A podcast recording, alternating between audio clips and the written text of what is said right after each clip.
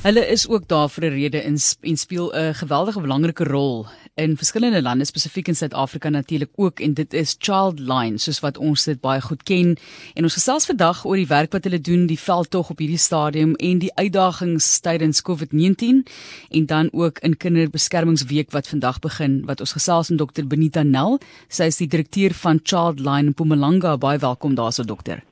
Hallo Martelies. Dankie dat ek met julle kan gesels So as ons net kyk na die funksie van Childline, net vir mense 'n idee gee want jy weet jy sit nou en dink byvoorbeeld 'n kind bel nou vir Childline sê hier is iets wat nie reg is nie, ek's nie moeilikheid, wat is die rol van Childline in daardie situasie? So en is breedvoerig. Byvoorbeeld een kind het gedagtes van selfdood en 'n volgende kind word aangeval deur 'n persoon in hulle familie wat dalk vir hulle seermaak. So gee net vir ons 'n idee wie jy is vir die wat regtig nie die funksie verstaan nie.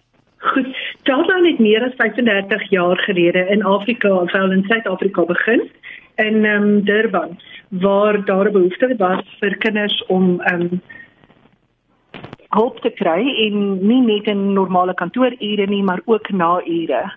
So hierdie ehm um, dienste toe nou ontwikkel en is nou oor al die provinsies in die land ehm um, versprei. Ons doen geografies die antwoord van die tolvrye nommer vir die kinder uh, hulplyn in elke provinsie. Mpumalanga, die provinsie waar ek werk, is byvoorbeeld al die distriksgrense van Mpumalanga. Al die oproepe na die nommer toe word deur my kantoor geantwoord en ons het opgeleide eh, beraders wat dan um, aan die telefoon hier by ons diens doen 24 uur. Dis 'n gratis nommer, maak nie saak of jy van 'n landlyn of 'n selfoon afskakel nie en ons is spesifiek kindervriendelik. So jy kan self as kind bel of as 'n uh, uh, volwassene met een of ander betrekking tot by die kind. Jy kan ook anoniem skakel en sê my buurvrou, ons het 'n vrou gehad wat gesê het ek sien my kind, ag ek sien 'n vrou in die kerk, sy lyk so en so ek het agter haar aangery, sy het haar kind geslaan en ek hou nie van die manier hoe sy hulle kind pluk nie en ons kon opvolg en niemand weet wat haar naam was nie, maar die kinders kon 'n bietjie help kry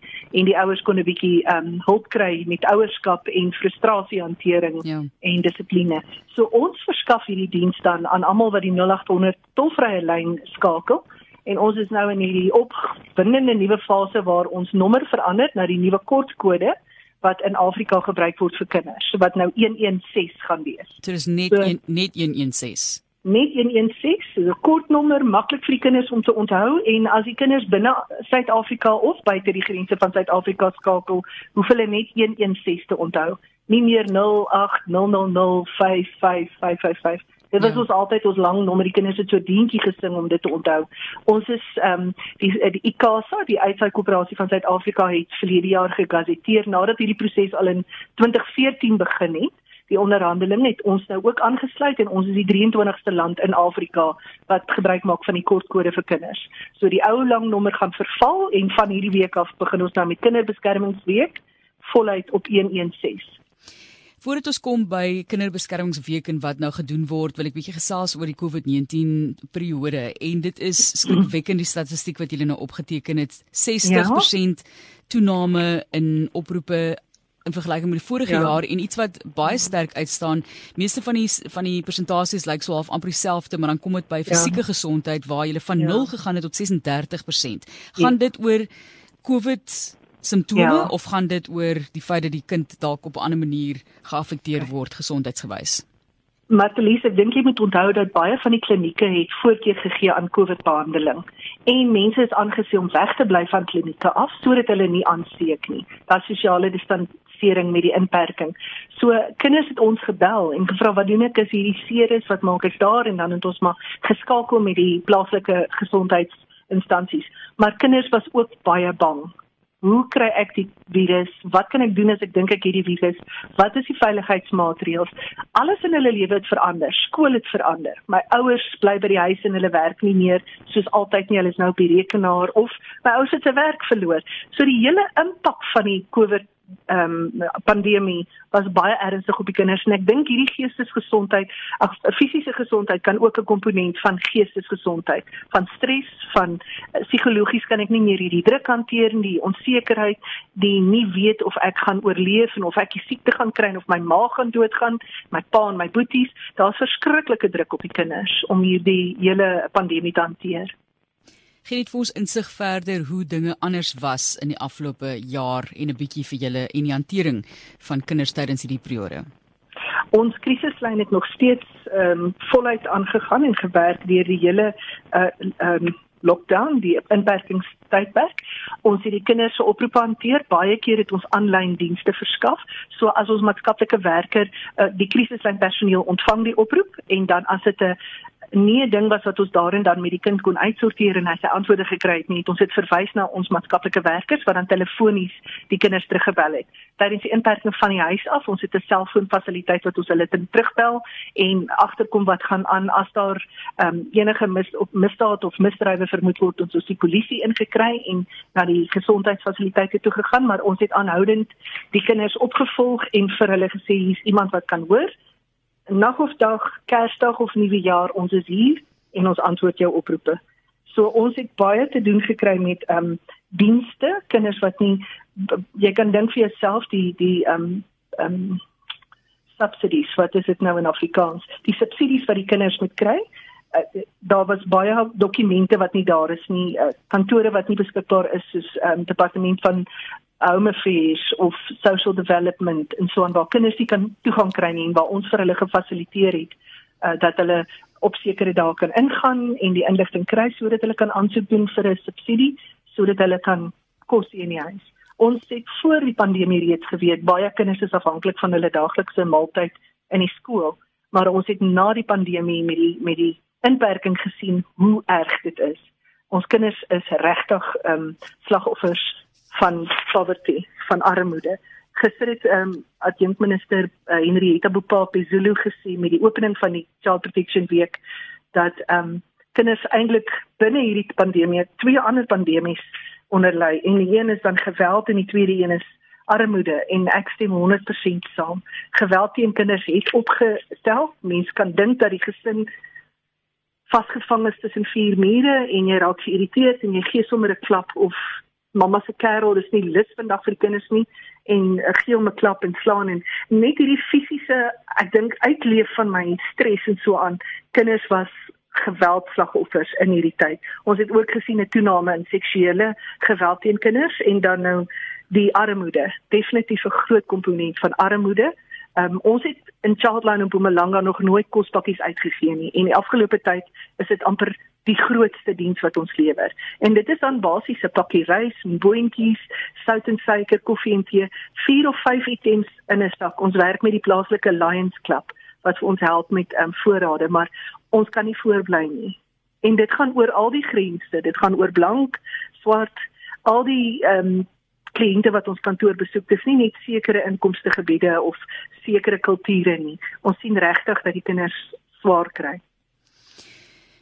Julle moet vir ons nou-nou verduidelik dokter hoe ons van ons mm -hmm. kant af ook kan help ons gesels oor Childline en die werk wat hulle ja. doen in Suid-Afrika en Afrika en dit is kinderbeskermingsweek so hoekom het ons enigsins so 'n week nodig en betrek dan Childline SA ook by wat julle doen tydens hierdie hierdie week en ons gaan nou-nou weer die nommer gee die nommer is nou reg hier Afrika soos ek verstaan het verander baie eenvoudige 116 wat geskakel kan word so kom ons gesels oor die week jy het wel geraak aan van die kwessies ja. wat kinders ervaar op 'n daaglikse basis? Ja, so vir die COVID-periode was daar al reeds 'n geweldige verlies aan werk en vermindering aan huishoudelike inkomste, groeiende kosnood vir mense. Ehm um, heeltyd op risiko kan ek die virusinfeksie kry en dan die stres en angstigheid wat daarmee saamgaan. Maar ons het ook gesien kinders is nog steeds slagoffers van gewelddadige dissiplinering. Um, ons het al kinders in my kantoor gehad wat geslaan is dat hulle moet veloorplantings kry. So dit is nog nie 'n ding corporal punishment wat ons in hierdie land heeltemal uh, onder beheer het nie. Ehm um, die inperking hierdie kinders se skoolbywoning heeltemal ge ek dink heeltemal gedisoriënteer en baie kinders word blootgestel want hulle hang rond by die huis of in die gemeenskap omdat hulle nie skool toe gaan nie en dit stel hulle bloot en hulle uh, is op 'n risiko om om uh, in gevaar te wees. Kinderverwaarlosing, ouers wat net gaan werk en daai kinders is alleen by die huis, mamma moet by die werk wees, anders verloor sy die werk en niemand kyk na daai kinders nie. Die bure bel en sê, "Weet jy, hulle is toegesluit, ons kan nie die venster breek nie, ons kan nie inkom nie." So daai absolute verwaardiging net om te help en mense te probeer organiseer, maar kan ons dan nie die buurvrou reël dat sy net kan kyk dat die kinders kos het of so aan nie, dat hulle 'n reëling binne die gemeenskap tref. Armoede, die maaltye wat dadelik beperk is, familieverbrokkeling. Ons sien dat mense skei, ons sien dat families uitmekaar skeer en aanhoudend is die kinders die slagoffer daarvan want ons beleef dat oproepe wat ons op die krisislyn kry, ehm um, daar is 'n geveg tussen die ma en die pa se families en weet jy die kind word uitmekaar geskeer want hy moet die hele tyd kies tussen watter familie. Ehm um, en dit raak nader aan baie ernstig uh, want hulle wil ook nie hoor dat ons net soveel hulpbronne het nie en daar's eintlik ander goed wat ons ook aan moet aandag gee. So dit raak baie druk seksuele geweld en misbruik van kinders. En dan sien ons ook omdat hierdie COVID tyd so baie by die huis is, het die kinders nogal redelik aktief geraak op social media en uh, sosiale media en ehm um, wat se media uh, sites hulle besoek. So hulle kan blootgestel word aan redelik baie ehm um, ongure karakters daar op die sosiale media. Ons sien ook boelie is steeds deel van ons gemeenskap. Ons almal weet van die geval in Limpopo. Ons is ook betrokke by die Menseregte Kommissie wat nou daaroor ondersoek gedoen het. Die groepsdruk wat ons kinders beleef en waar hulle geëksploiteer word om namens iemand iets te doen en dan kry hulle iets in return en die kinders besef nie dat hulle eintlik op groot risiko is nie. Geestesgesondheid van ons kinders en dan ons het beperkte hulpbronne. Ek dink ons departement van sosiale dienste is onder druk. Ek dink nie hulle kan die ehm um, vraag heeltemal hanteer wat in ons kinders sektor is nie. Uh, ons sien oralstes waar daar te min sorgsentrums is, ehm um, versorgingsplekke vir kinders na skoolse geriewe vir kinders. Selfs skole is baie min en kinders sit in oorvol klasse. So ons beleef dat die druk op ons stelsel ons kinders ook op risiko plaas en dit maak ons baie bekommerd as 'n sosiale ja. diensverskaffer. Dokter Nel, hoe kan ons nou help? Mhm. Ek kry gevoel die beste manier om te help is om met kospakkies te help of om daardie tipe van ondersteuning te bied op 'n manier. Wat kan ons doen? Ja, weet jy wat? Skenkings is altyd welkom. Warm klere en komberse want die winter is op ons en dan nie bederfbare kos sal baie goed wees, maar ek dink ook ouers kan ehm um, betrokke raak. Hulle kan waarneem ken jou gedrag van jou kind en neem waar as hy begin anders optree. Moenie wag tot mos mishandeling vir uh, bewys is nie. Maar wanneer daai kind 'n vermoede het of jy het 'n vermoede begin optree, want baie keer kom die mense by ons wanneer dit al 'n lang tydperk gebeur en ons kon al dit gestop het vroeër. So regtig neem aksie. Ken jou kind se onderwysers by die skool, weet wie jou bure is. Hou 'n oog oor jou kinders in jou buurt. Boeie bou goeie verhoudinge met jou kinders want dan gaan hulle vrymoedigheid hê om met jou te kom gesels as ietsie pla. Ehm um, sien ander kinders in jou gemeenskap raak en as jy nie self kan help nie, bel ons raak betrokke, raak bewus van wie is die organisasies in jou omgewing wat met kinders werk sodat jy hulle kan verwys. Ons kyk ook na ehm um, die 116 nommer. Dit is 24 uur gratis beskikbaar op al die uh, selfoonstelsels in Suid-Afrika en ook ons landlyne. So skakel ons en kry hulp vir kinders wees ook bewus van jou kind se sosiale media gewoontes en raak maar betrokke. Ons sê altyd jy kan nie net selfone verban nie, want die kind gaan ondergrond by sy maatjie of iewers gaan hy wel agter skelmpies ietsie sien. So laat grense toe, maar bou daai verhouding met jou kind. En en doen dit op so 'n manier dat dit nie net 'n rebellie gaan veroorsaak nie. Um en dan ook jou kind se vriende, want daai groepsdruk is groot. Maar die belangrikste wat ek wil sê Marita is, um, bou hoop vir jou kinders, want jou eie negatiewe gedrag en praatjies affekteer jou kind. Kinderbeskerming is nie 'n een eenmalige taak nie. Dit gaan nie vandag ophou nie. Ek dink ons het 'n groot, lang taak wat nog voor ons lê. En dit kan ook nie net een persoon of instansie gedoen word nie. Die spreekwoord it takes a village to raise a child. Kom hier so by mense op en dan dink 'n mens net ons moet saam staan. Ons toekoms vir Suid-Afrika hang daarvan af.